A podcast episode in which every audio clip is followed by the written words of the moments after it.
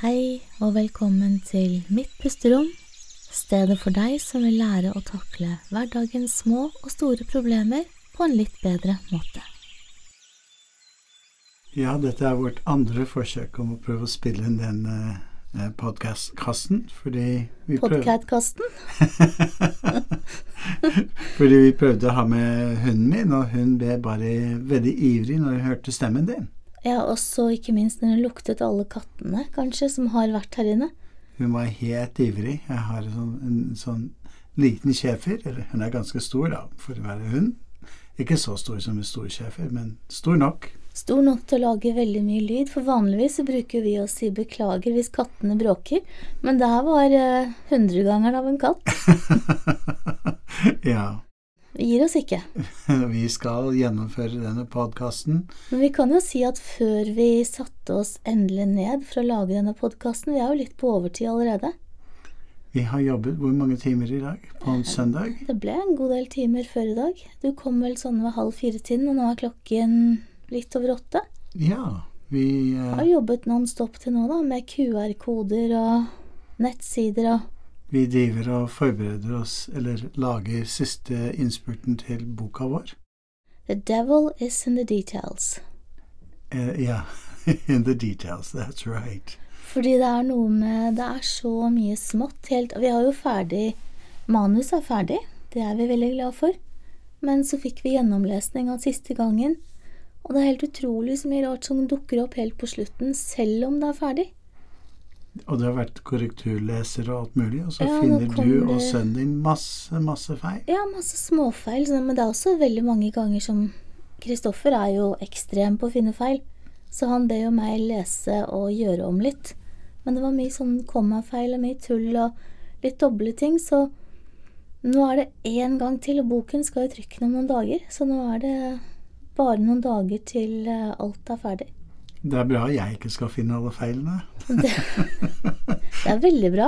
Det hadde vært ingen feil til slutt. Kanskje hun kommer feil innimellom. Ja, for én ting skal man si om det, at du sier at du er jo så positiv. Med sikkerhet tror jeg alle er enige om at du er gjennomført positiv, så du tenker jo at dette ser fint ut. Dette er bra. Dette holder. Ja, jeg er ikke fullt så naiv, er jeg vel? Og du, jeg må forresten si deg noe helt annet, fordi som ikke har med vårt spørsmål i dag, som handler om traumer. Men jeg må spørre deg om noe, for det var en som sendte meg en melding. Så sa han, du Rita, jeg syns du er litt hard med Sigurd. Er du sikker på at han syns det er ok? Da svarte han at det er jeg ganske sikker på, vi kjenner hverandre veldig godt, men jeg lover å spørre neste gang. Er du ok med det? ja, jeg har ikke tenkt over det engang. Nei, det er akkurat det. Det var det jeg regnet med. Jeg kan jo si at Sigrid og jeg har et veldig langt og dypt og godt vennskap, så vi har veldig mye slakk hos hverandre, tror jeg. Det har vi.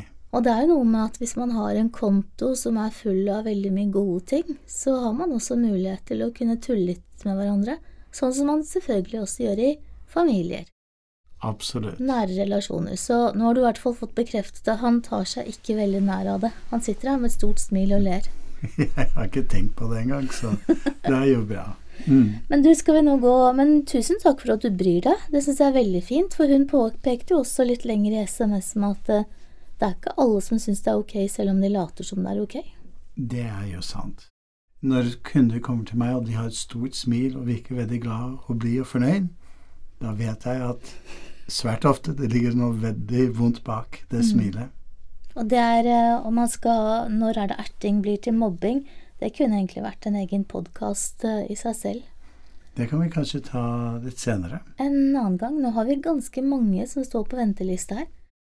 Og vi har det veldig travelt, fordi jeg skal være borte nå fra og med 19. desember en hel måned. Mm. Så vi må lage nokså mange lydfiler, og i hvert fall jeg, og vi må også lage ferdig podkastene våre, så, de, så dere der ute ikke får sånne abstinenser. Men dette spørsmålet vi har nå i dag, det er faktisk veldig viktig. Og det er litt snodig, eller kanskje ikke snodig, for det skjer igjen og igjen at når jeg snakker med noen, så får jeg ofte en hel gjeng med samme problemet. Jeg vet ikke om du opplevde det samme? Det kommer til bølger, ja. Ja, og den bølgen som har kommet nå, eh, i hvert fall hos meg, det er traumer. Så de siste par ukene så er det flere som har spurt om vi kan prate litt mer om traumer. Men jeg fikk et podkastønske her som jeg har lyst til å lese litt opp, for jeg syns det er veldig fint. Og det er en som sier at det hadde vært så gøy å høre dere snakke om at healing innebærer å bli hel, som i hvert fall mange mener. Jeg vet ikke helt hva du mener om det, men det resonnerer med meg, og kanskje også deg. Og så kommer hun da med et uh, fint uh, sitat fra Gabor Maté, som du skal få gleden av å lese på amerikansk. If trauma is disconnection, then healing is the reunification or the discovery of the embodiment of that connection. It's becoming whole again, where you're not split into all these defensive parts of you that are running your life. I'd like to add ruining your life. Ja, ok. Du forbedrer det. Bra. Kanskje. Jeg syns det, det, var veldig, veldig fint. Og for deg som kanskje ikke er helt strøken i, uh, i engelsk, skal vi ta bryte det litt ned? Absolutt.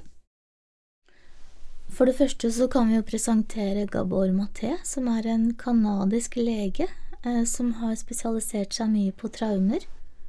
Han er en fantastisk mann, han er langt over 70 nå, men han er verdt å høre på, Gabor Maté. Han har skrevet noen fine bøker, og har også ganske mye liggende ute på YouTube, for han har blitt intervjuet av svært mange. Han uh, har et perspektiv rundt dette med både addiction, hva heter det, avhengigheter, Avhengigheter, ja. og depresjoner og uh, traumer. Mm. Og han trekker veldig mange tråder, ikke veldig mange, han trekker vel nesten alle trådene tilbake til barndommen og hva man har opplevd der. Jeg tror vi har snakket om før også, Gabor Maté. Men hvis vi nå ser på selve setningen Han snakker jo om da trauma is disconnection. Hvordan skal vi oversette det til norsk? Traumer er en å være frakoblet.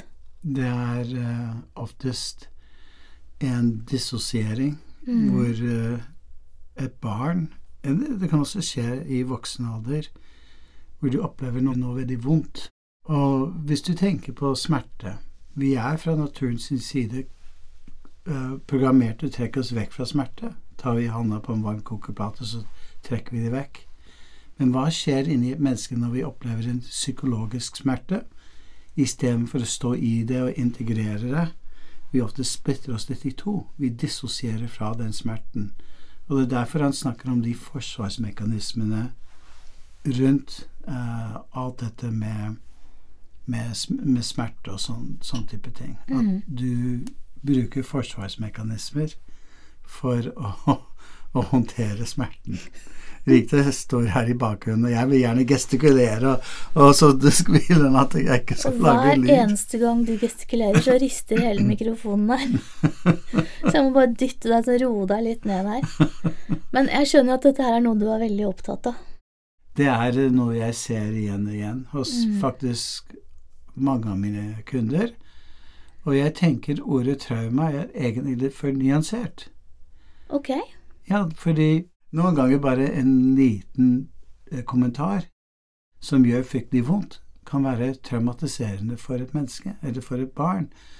Og den splittelsen behøver ikke være så veldig stor, kanskje bare en bitte liten splittelse som skjer inni sjelen, og når mange nok sånne splittelser skjer, så får du et eller annet mønster som kanskje igjen påvirker personlighetens utvikling, så at man kanskje blir litt negativ når man kanskje i utgangspunktet er positiv.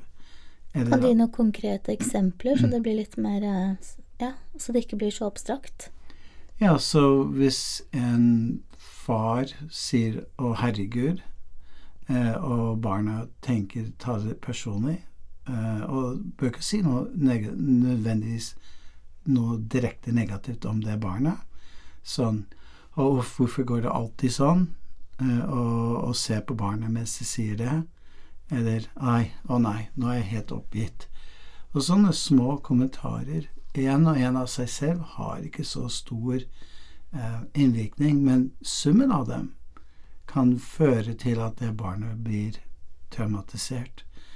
Og det er ikke snakk om slag eller eller misbruk eller alkoholisme. Det er mer de små kommentarer som, som bombarderer det barnet hele tiden.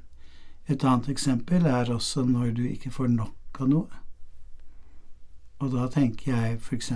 omsorg i form av kjærtegn, fysisk nærhet osv. Det kan være tid. Ikke nok tid sammen. Ja. Mm. Mm. Så mangler men, men selv om det er lite tid, så vet vi, og du har også vært i USA, og da, der mente de veldig, og dette har vi nevnt tidligere, at den fysiske berøringen og kontakten er helt avgjørende for Ekstremt avgjørende. Ja. Og det kan også være traumatiserende, for det barnet blir da frakoblet fra sitt eget følelsesliv til slutt, da. Mm. Og en sånn ekstrem utgave av det blir jo da den, det som heter cry it out-metoden. Som jeg var forsøkt utsatt for, men pappa sa nei til. Mamma, For jeg skrek en del om natten. Og mamma sa hva skal vi gjøre, liksom, for å få henne til å sove. Og pappa sa vi plukker henne opp, og legen sa la henne skrike og sovne. Klassisk eksempel på det er en måte å bli traumatisert på. Så vi mennesker har behov for å bli sett, forstått, snakket sammen med, ikke nødvendigvis til, som jeg hadde lyst til å si, men snakket med, forklart, forstå hvorfor. Og når vi ikke forstår hvorfor vi, når vi ikke blir fortalt hva er meningen med det vi opplever, eh, spesielt hvis ting er vondt eller vanskelig, så blir det traumatiserende for Mm. det barnet. Men jeg mener trauma kan også oppstå når som helst i løpet av livet, eh, ikke bare i barndommen. Så jeg tar ikke for gitt at alle som kommer til meg, nødvendigvis har en historikk i barndommen. Og jeg også syns det er veldig viktig å ikke tenke ut ifra en sånn en sånn freudiansk tankegang med det de kaller for free association, hvor personen skal bare prate, prate, prate, og stort sett eh, Det er sånn stereotypisk hvor alt handler om mor, og hva mor har gjort galt. Eh, fordi vi ser at det er mye mer komplekst enn den gamle modellen. I hvert fall sånn som blir presentert i massemedien. Mm.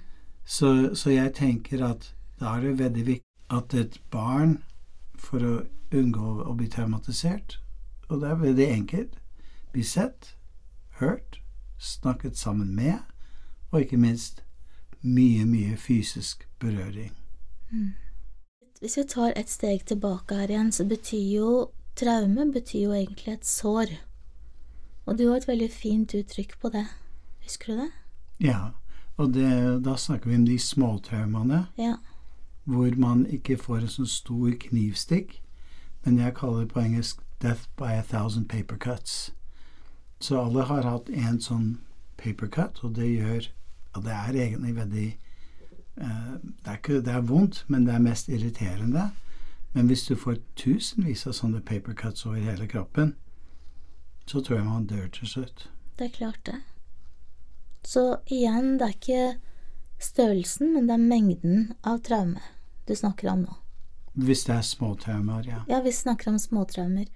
Og det er stor forskjell på de små traumene, som ofte kan innebære hva vi ikke har fått, eller de tingene. Det kan være små gester, det kan være sukk og mor eller far er oppgitt, det kan være at du alltid ble valgt sist i gymmen. Eh, Det kan hende at du ingen ville jobbe med deg i naturfag. Det kan hende at du var den som ikke fikk invitasjoner til bursdager. Og igjen, én sånn opplevelse, det er ikke så farlig, men hvis det skjer igjen og igjen og igjen og igjen, så er det lett å få denne identiteten med at jeg er en som ikke passer inn, jeg er en som ikke er bra nok. Og det er vel også litt av problemet i de som får et traume, at de føler at de passer ikke inn, og dermed så får du loss of connection også. For de passer ikke inn med seg selv, de liker ikke seg selv, de ser ned på seg selv, de snakker stygt til seg selv, og de har en idé om at alle andre gjør det også. Så hvor i all verden passer de inn da? Hvor skal de tilhøre? Hvor skal de finne mening? Hvor skal de finne trygghet? Og når identiteten blir det er noe feil med meg, det er jo veldig, veldig vondt. Og det blir en selvoppfyllende profeti til slutt. Fordi de distanserer seg, de isolerer seg, eller de prøver å strekke ut en hånd for å være til stede i et sosialt samspill, men allikevel, de finner alltid noe galt. Og ofte så går de rundt og på engelsk heter ruminate, eller Ja, går rundt og på en måte er litt sånn hakk i plata. Går og tenker på det samme om igjen og om igjen. og om Hva igjen. sa jeg? Skulle jeg sagt ting annerledes? Hvorfor sa jeg det? Og hvorfor virket jeg dum nå? Det er en veldig vond eh, tilstand, og kan også føre til en form for eh, sosial angst, da. Absolutt. Så det vil jo også gjøre at det trekker deg veldig vekk fra øyeblikket. Fordi hvis du går og tenker på hva som har vært, hva du skulle ha gjort Du burde ikke ha rukket opp hånden eller sagt det.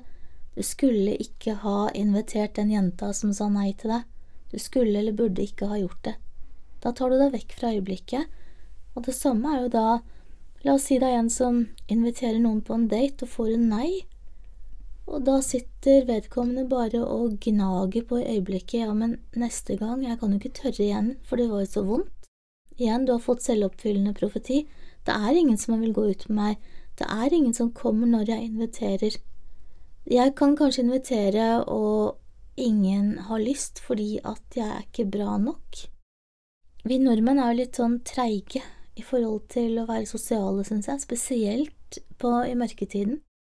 Det var en kvinne som satt og pratet til meg om at hun var så lei av å være den som tok initiativet hele tiden og inviterte, fordi hun sa det kom jo aldri noen invitasjoner tilbake. Og hun satt jo da og lagde noen skrekkhistorier i hodet sitt om at kanskje noen vet noe om meg som jeg ikke vet at de vet. Og så dro hun i gang ganske vonde historier, trodde at det var grunnen til at de ikke ville invitere henne. Men som regel så har det jo bare med at folk har nok med seg selv. Det har å gjøre med at det er ikke noe feil med deg, det er litt feil med samfunnet litt, tror jeg, at vi ikke er mer inkluderende og åpne om det. Og det er så mange forskjellige mennesker. Unge, gamle, eh, vellykkede, ufaglærte, altså tykke, tynne, høye, lave. Vi sitter på hver vår tue, stappfulle av traumer, ingen prater om det. Alle bruker energien på å late som om ting er bra. Det gjør meg litt eh, Da begynner jeg å gestikulere her, kjenner jeg. For, da, for det er så unødvendig. For det handler igjen om at vi må kunne tørre å kle oss litt sånn emosjonelt nakne og fortelle om traumene våre til andre. Og så ser vi at men i all verden, vi er jo like. Og i det øyeblikket vi ser at vi er like, så har vi plutselig samhørighet, og vi har tilheling. Og vi føler oss ikke så alene og rare lenger. Du har nevnt tidligere om vi kan dele folk opp i to store grupper, givers and takers. Ja, stemmer. Og givers oftest gir, og de prøver å gi det, det de selv aldri fikk som barn. Mm. Oppmerksomhet, kanskje penger. De bare prøver å på en måte kjøpe seg Ikke venner, men kjøpe seg at de skal føle seg bra. At jeg er bra nok. Men det rare er at takers kanskje tar og tar og tar. Fordi de også føler seg ikke bra nok. Og da må jeg ta til meg det jeg får, med en gang. Problemet er at det er hull i bøtten, så det blir jo aldri nok. Ja, Du kan gi og gi og gi og gi til en taker, men det er jo ikke nok noensinne. Og taker kan få og få og få, og de får aldri nok. Og så til slutt så blir the giver, han, han eller hun, blir oppgitt fordi hvorfor får jeg aldri noe tilbake igjen? Og the taker skjønner ingenting av det dårlige samspillet. Så hvis begge to hadde stoppet litt opp, og som du sier, kle seg litt emosjonelt naken, hvorfor må jeg ta hele tiden? Hvorfor er det at jeg aldri gir tilbake igjen?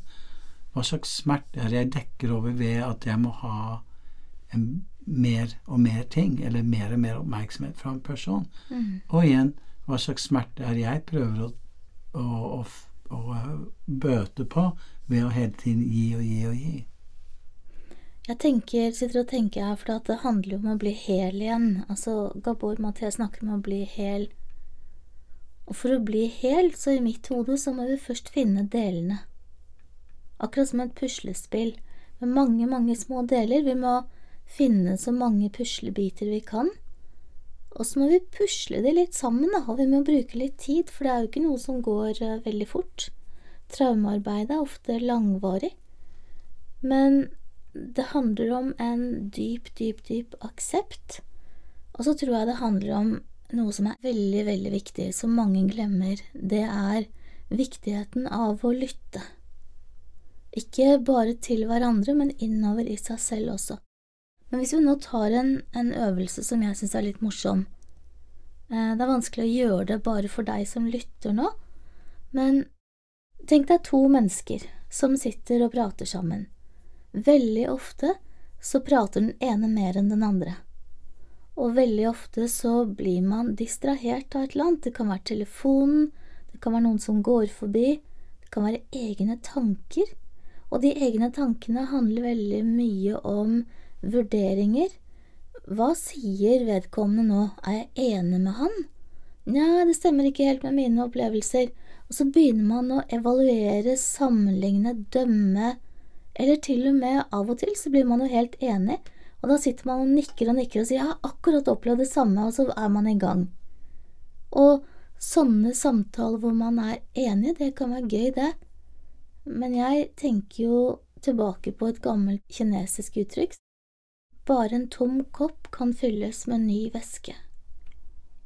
Og det er akkurat det det handler om, fordi når vi snakker med et menneske, hvis du virkelig skal ta til deg hva vedkommende sier, så må du legge vekk egne tanker.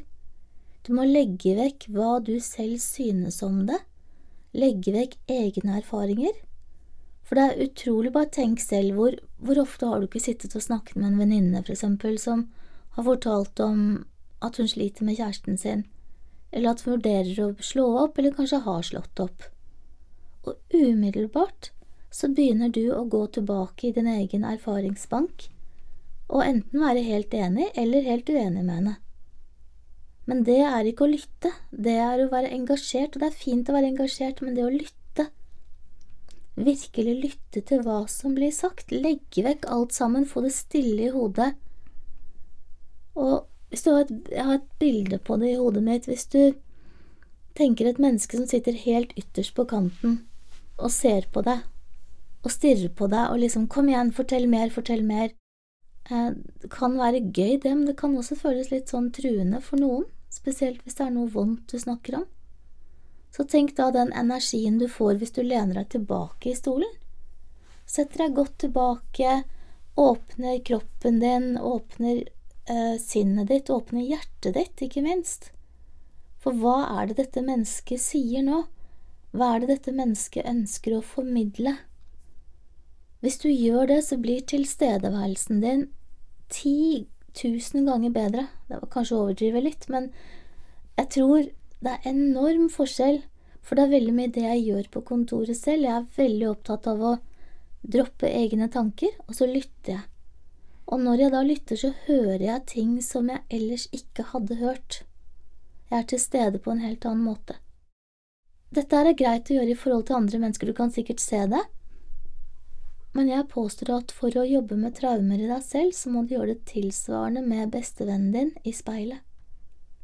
Du må lytte innover, og lytte uten fordømmelse, uten erfaringer, uten noe annet enn bare en nysgjerrig, vennlig, undrende Hva skjer nå? Hm, det er ikke så viktig hvor den kom fra engang, bare den kommer til å utfolde seg. Når du begynner å lytte innover, så kommer det utrolig mange svar opp av seg selv. Selvfølgelig er dette lettere hvis vi jobber med hypnose eller selvhypnose, men jeg tror det å lytte er litt av greia. Nå glemte jeg å si helt det jeg gjør på disse kursene. Jeg ber to mennesker sette seg overfor hverandre. Så ber jeg den ene sitte og prate, for eksempel fortelle om en bok i ett minutt, og den andre skal sitte og se opp i luften og se på telefonen og være helt distrahert. Hvordan føles det da for deg å sitte og fortelle om noe det er ganske innlysende, det er ganske vondt? Og det andre er hvordan føles det å sitte overfor et menneske som bare har øyekontakt med deg, som puster rolig, som har lagt vekk telefonen, som er helt til stede, og som kanskje bare har kommentarer som Fortell meg mer. Det var spennende. Har du noe mer å si? Det er gull verdt. Når du snakker om det å lytte, så er det veldig utfordrende for folk flest, spesielt å lytte på seg selv, fordi de har fra naturens side blitt programmert til å unngå den smerten som det, det de hører innifra når de kommer i kontakt med den. Og noe som er veldig viktig å huske på, er at hvis den smerten kom fra en gang du var kanskje tre år eller fem år, nå har du et voksent sinn. Nå kan du lytte til det lille barnet i deg selv, og du kan omfavne det, den smerten på en helt annen måte enn det du gjorde som barn. Jeg er helt enig med deg, Sigurd. Jeg har bare lyst til å skyte inn én ting der. For det er så veldig mange som når da denne lille tre-fire-femåringen i deg, som har blitt såret eller traumatisert, som ikke har blitt sett, når den begynner å gi litt lyd fra seg, så er det så mange som blir redde og overveldet at hvis de først begynner å se på det og lytte til hva som skjedde, så går de rett i krisemodus, og så har du en sympatisk aktivering som går og går og går og går, og så blir de på en måte bare smerten sin. Er du ikke enig? Å ja, ja, ja. Så hva, hva tenker du at man skal gjøre da for å kunne hile seg selv og bli litt mer hel igjen, for ikke gå i den sympatiske aktiveringen hver gang man ser på traumene sine? Så det er flere ting man kan gjøre. Det første tenker jeg er å bruke tid på å lære seg mindfulness-meditasjon. For da jobber du over tid med den evnen til å stå i vonde og ubehagelige ting med en nysgjerrighet og en aksept. Når du har opparbeidet den evnen til å møte deg selv med den nysgjerrigheten og aksepten, med andre ord, du lærer å lytte Mindfulness er egentlig en måte å lytte til seg selv på. Så kommer neste steg, og det er Og det er litt rart, fordi en traume er en dissosiering. Men oftest problemet er at når vedkommende blir gjenopplever den traumaen, de blir helt assosiert inn i smerten uten at det skjer en helbredelse. Så de på en måte de bikker mellom f.eks. være den voksne sin og det lille barnet sin. Voksne sin og det lille barnet sin. Det er ikke noe integrering mellom de to, to delene. Mm. Så da må den voksne være den som på en måte dissosierer litt, så den klarer å slippe inn litt etter litt den smerten. Mm. Litt etter litt å utforske hva som ligger der. Og på den måten der så kan den voksen personen eh, integrere smerten i barnet, sånn som, som, som, ligger i, i, det som er verdt. Og dette er veldig i tråd med sånn resilience-forskning, eh, hvor en av de første tingene vi lytter på, jeg regner med du gjør også det, Rita, er at hvis en person forteller en historie om noe de har opplevd, så kan vi høre ganske raskt om personen bruker masse forsvarsmekanismer når de forteller. Og det er igjen en Det forteller meg at de har ikke bearbeidet traumaen. Eller at de blir sugd inn i historien og, og, og, bare mister tråden i historien sin. Det blir ikke noe sammenheng i det de sier. Og veldig ofte da så begynner de å snakke i presens som om det skjer igjen. Ja. Og det er det vi kaller for retraumatisering. Ja, det jeg kaller det sånn, sånn spontan regresjon. Spontan ja. regresjon. Skjer helt automatisk. Ja. En av de måtene som jeg i hvert fall lærer bort, som du kan se på den smerten, eller det lille barnet som ble traumatisert, er jo å tenke hva hadde det lille barnet trengt å oppleve og se og høre. Så har du en mulighet til å gjøre det nå, og som regel så er det da at det vil ha anerkjennelse. Det vil høre at det er ikke så rart du er lei deg. Det er ikke så rart at du er sint. Altså, anerkjenne og godta den følelsen som barnet i utgangspunktet da måtte ha, og på samme måte som det tar litt tid å få en tre-fire-femåring til å roe seg ned, en virkelig tre-fire-femåring, så tar det litt tid å få det inni deg også til å roe seg ned. Så holder det ikke at du bare sier to–tre ganger det er ikke så rart at, det, at, du føler det sånn, det er ikke så rart, og så har man kanskje den energien, den utålmodige energien. Ikke minst så er det så mange som kommer til meg som sier ja, men Rita, jeg prøvde å trøste meg selv, det bare går ikke. Det funker ikke. Og så sier de med så mye irritasjon, utålmodighet, skuffelse, skam, ikke minst.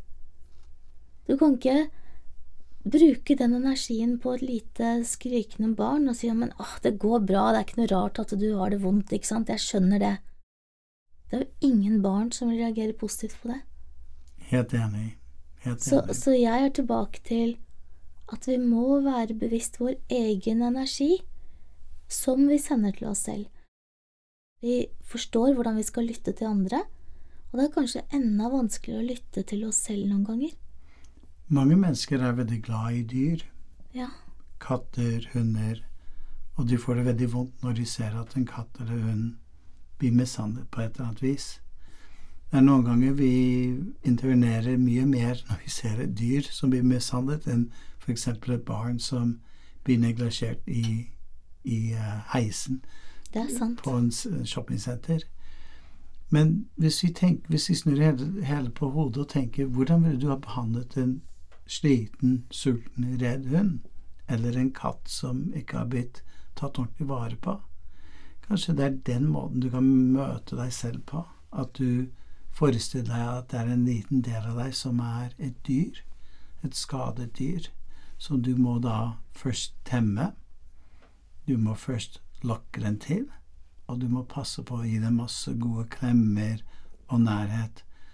Og det kan vi gjøre gjennom f.eks. en sånn fin øvelse er å klemme en pute, Mhm. eller få en klem av, av en ordentlig dyr hvis du har en hund eller katt. Mm. Mens du forestiller deg at det er den delen av deg som har det vondt. Eller kanskje til og med et menneske. Et lite barn kan også fungere, ja. Mm. Så no, gjør noe som finner noe ufarlig å klemme på. Det bare minner meg litt om da jeg var i USA siste gangen, så hadde jeg et par timer å slå i hjel på ettermiddagen, og så fant jeg et dyrebutikk og skulle ha noen godbiter til kattene. Men bakerst innerst i dyrebutikken så var det masse glassbur, og der satt det blant annet en liten eh, hundevalp som var funnet på gaten, og den var livredd. Og den satt der og gjemte seg bort, og den skalv, ikke sant, og den stolte jo ikke på noen, den knurret til alle. Dessverre så så jeg den bare tre dager før jeg skulle dra hjem. Men jeg gikk jo da hver eneste lunsj og satte meg der for å prøve å lokke den til meg, med verdens største glede, og prøvde å snakke så vennlig jeg kunne.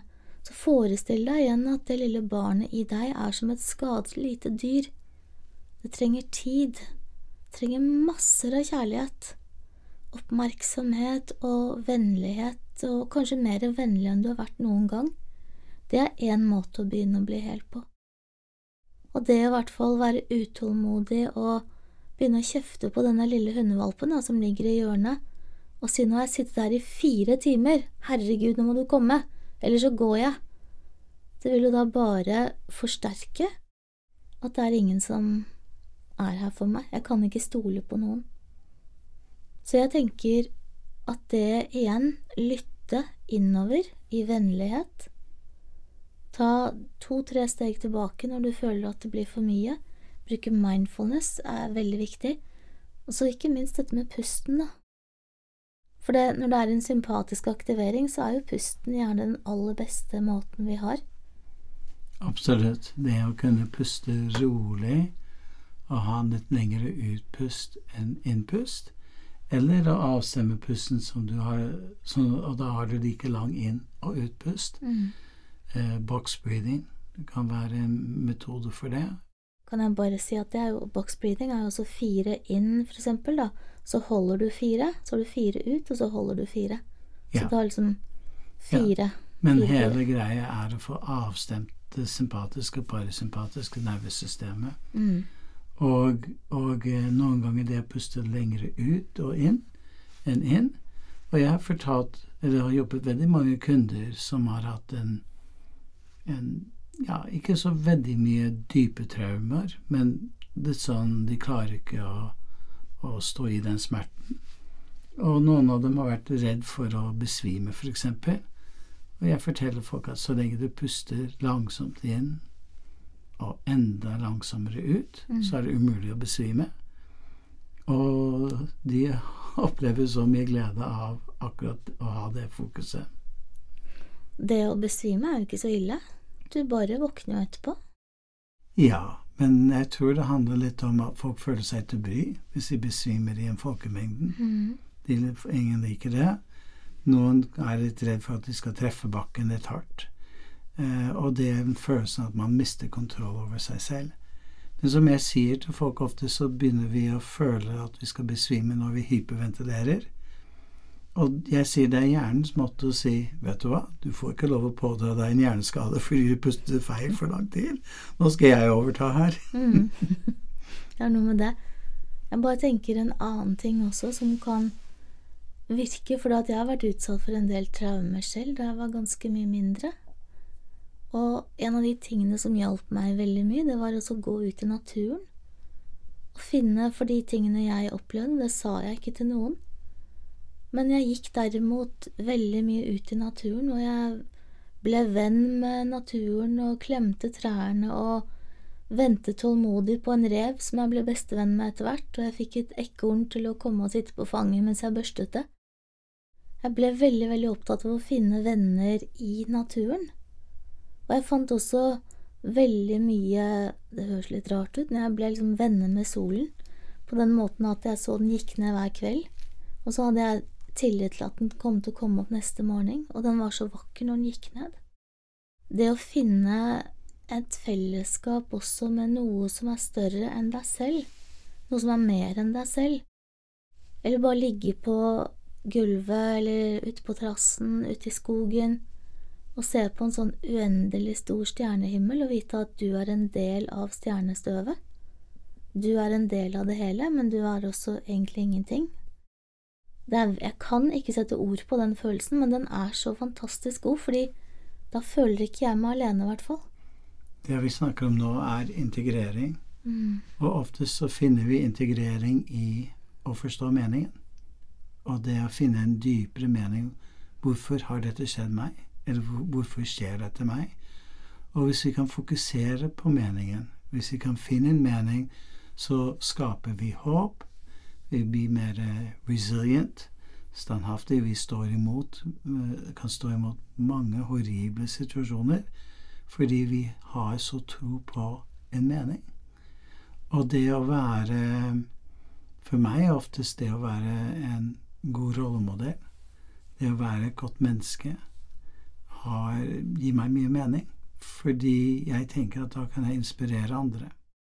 Jeg er helt enig med deg, og jeg tenker at de traumene som jeg har vært igjennom, det er noe som har gjort meg til et menneske som kanskje forstår i dypet den smerten og hjelpeløsheten som enkelte mennesker går gjennom. Det er ikke sånn at jeg vil si at fordi jeg klarer det, så kan alle klare det, for jeg har vært ekstremt heldig fra, fra et nevrologisk perspektiv.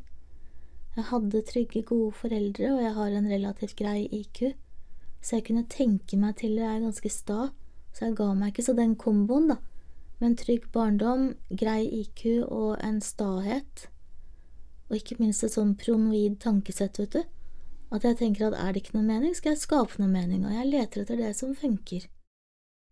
Så, så for meg, så jeg kan ikke, men allikevel den dybden jeg har fått, og det forståelsen av at ting kan ta tid. Og ikke minst så har jeg fått en mye større ydmykhet og kanskje forståelse for at gamle traumer, som du tror du er ferdig med, kan faktisk komme opp i voksen alder igjen, når du blir utsatt for noe som kanskje kan trigge et eller annet. Så veldig mye ting som jeg trodde jeg var ferdig med, de kom jo tilbake med full kraft og enda mer eh, for et par år siden. Og det er interessant å og bli litt sånn wow, jeg trodde jeg var ferdig, men det var jeg visst ikke. Da har jeg to valg. Enten så kan jeg gå og tenke pokker eller er det mulig, skal jeg begynne igjen? Åh, oppgitt, utslitt, orker ikke, klarer ikke, vil ikke. Eller jeg kan bare sånn, med vennlighet, oi sann, her var det mye mer, gitt. Her var det noe som lå i en eske bortgjemt i et uh, nedstøvet hjørne, som plutselig jeg må ta tak i. Og da igjen vennlig, nysgjerrig og litt undrende til i all verdens rike så mye rart det var oppi her. Og det er da igjen se på traumene, ta de opp, men ikke ta for mye på en gang, og få gjerne profesjonell hjelp, selvfølgelig. For det fins veldig mange måter å jobbe med traumer på. EMDR er én måte å jobbe med det på. Det fins mange forskjellige. Absolutt. Eh, metakognisjon, altså dette med metakognitiv terapi, fungerer veldig bra. Og mange, mange andre. Så én ting som er kanskje viktig å tenke på når vi tenker på det å bearbeide trauma, er den integrasjonen som oftest skjer når vi forstår at det fins en dypere mening, eller en mening med det vi holder på med. Jeg husker når jeg var barn, så følte jeg meg oftest aleine, eh, ikke elsket. Og jeg følte meg veldig sånn annerledes og, og avvist. Kan jeg skyte inn en ting? Mm. Og det var vel ikke bare at du følte, men du var jo det også. Ja, det, det var jeg nok. Jeg mener, ja, men altså ordentlig, så det var ikke bare en følelse, for du var jo litt utenfor. Ja, og, og, men det som, det som jeg tenkte, var at jeg var også veldig opptatt i en ganske tidlig alder av meditasjon, alternativ litteratur i forhold til selvutvikling. Du er litt rar når du er elleve år og syns uh, sånn type bøker er spennende. Men i hvert fall så husker jeg en gang når jeg begynte å bryte den uh, depressive tilstanden jeg hadde som barn og ungdom. Og det startet kanskje i en alder av 15-16 år, og det resulterte i, i, når jeg var i begynnelsen av 20-årene, at jeg var helt ferdig med å bli deprimert. Og det som skjedde, som satte meg på vei ut av depresjonen, var at når jeg mediterte, så hadde jeg en opplevelse at jeg plutselig var alt og kunne alt. Og den, den var en Den i virkeligheten kanskje bare varte i noen få millisekunder, men subjektivt sett var det en opplevelse som varte, varte i all evighet. Og da plutselig, plutselig så lettet depresjonen helt og totalt. Jeg var på ingen måte ferdig med depresjonen, og hadde jeg hatt de verktøyene jeg har i dag, så kanskje jeg hadde ikke tenkt å bruke seks-syv år til. Men det kumulerte i at når jeg var i begynnelsen av 20-årene, så fant jeg ut at jeg kunne enten være min egen beste venn eller min verste fiende. Og da valgte jeg å være min egen beste venn. Og da var jeg mer eller mindre ferdig med depresjon. Det vil ikke da si at jeg ikke kan få sånn, sånn som du beskriver, hvor man får en ny uh, møte med en følelse av ensomhet, depresjon eller hva det måtte være. Men da er det som regel ikke en, en ny seks-syv års prosess for meg, i hvert fall. Mm.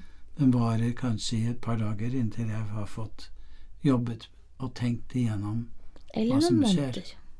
Kan være noen måneder òg. Litt avhengig av hva det er for noe. Ja, men poenget er at hvis du, hvis du lærer å ha fokus på meningen, og du erkjenner, se hvordan du har klatret ut av det hullet, om det er en angsthull, en depressiv hull, en ensomhetshull, eller hva det måtte være, eh, så, så kan du mye raskere som regel komme deg ut av det igjen når du blir litt eldre. Um, og det er jo spennende. Og da Vi nærmer oss slutten her, men jeg tenker at det er et fint bilde du sier, med å klatre ut av det mørke hullet som man kanskje selv har gravd. Men det er en litt tøff prosess, det òg. Og når du gjør det, for det er fullt mulig, så er det ok å bli sliten. Det er ok å bli lei. Det er ikke noe rart, det i det hele tatt. Så, så bruk litt tid på dette med å anerkjenne at det er ikke så rart at jeg blir sliten, og vær litt god med deg selv. Hva er det du trenger å gjøre da? Hva trenger du å føle eller gjøre nå for å få det litt bedre? Jeg driver jo og tar vasker av meg dagene av og til, i dusjen fremdeles. Hvis jeg har hatt en litt tøff dag, som, som det i perioder er, så går jeg i dusjen og vasker av meg dagen, og da har jeg også affirmasjoner gående i hodet mitt hele tiden. At jeg går inn med masse problemer, bekymringer, det kan være ting jeg er sint over, ting jeg kommer i mål med. Jeg går inn, og så har jeg sagt til meg selv at når jeg går ut av dusjen eller badet, så er jeg ny, jeg er ren, jeg lukter godt. Da er jeg på plass. Og den affirmasjonen der, den har jeg satt så mange ganger og gjennomført så mange ganger at det har også blitt noe som har hjulpet meg. Så dette med egenkjærlighet, da. Kanskje jeg skal Av og til så unner jeg meg, jeg er veldig glad i gode lukter, så av og til så unner jeg meg å kjøpe sånn den aller, aller beste og dyreste body lotion jeg har. Og da koser jeg meg med den, så jeg at det her fortjener du, Rita. Du kan slappe av, det går bra, det ordner seg. Vennlighet igjen. Selvkjærlighet, kobling til naturen, kle seg emosjonelt litt naken, meditere, jobbe med mindfulness, skrive, ikke minst. Eh, oppsøke eventuelt, eh, hvis du sitter fast helt, oppsøke psykologer som jobber spesifikt med traume. Det fins mange måter å bli hel på. Du må bare begynne med å samle bitene først. Se for deg et frø, og tenk hvis et frø kunne føle noe. Så blir den plantet i jord. Og så plutselig så begynner den å sprekke. Tenk så veldig vondt det må være. Jeg skal sprekke, jeg skal sprekke. Nå dør jeg. Og plutselig så spirer den både alle mulige veier. Og så kjenner den plutselig sånn utrolig lyst til å grave seg ned, grave seg dypere og dypere ned, samtidig som den kjenner at den strekker seg opp, opp, opp. Det er veldig spennende, og kanskje veldig, veldig vondt å være frø, som plutselig blir til et stort eiketre, som starter som et bitte lite frø, eller kanskje blir det en bonsai-tre, som er til glede for han eller hun som driver og kutter og snipper på det treet? Det er ikke godt å si. Det eneste jeg også har lyst til å legge til der, Sigurd, er jo det er et nydelig. Men jeg tenker at for at et frø skal begynne å spire, så trenger det sol, varme, kjærlighet, vennlighet og kanskje litt beskyttelse, sånn at de små spirene som kommer opp, ikke blir tråkket ned med en gang. Og det er derfor du skal møte deg selv med Vennlighet, nysgjerrighet og undring på hva du kan bli. Takk for oss.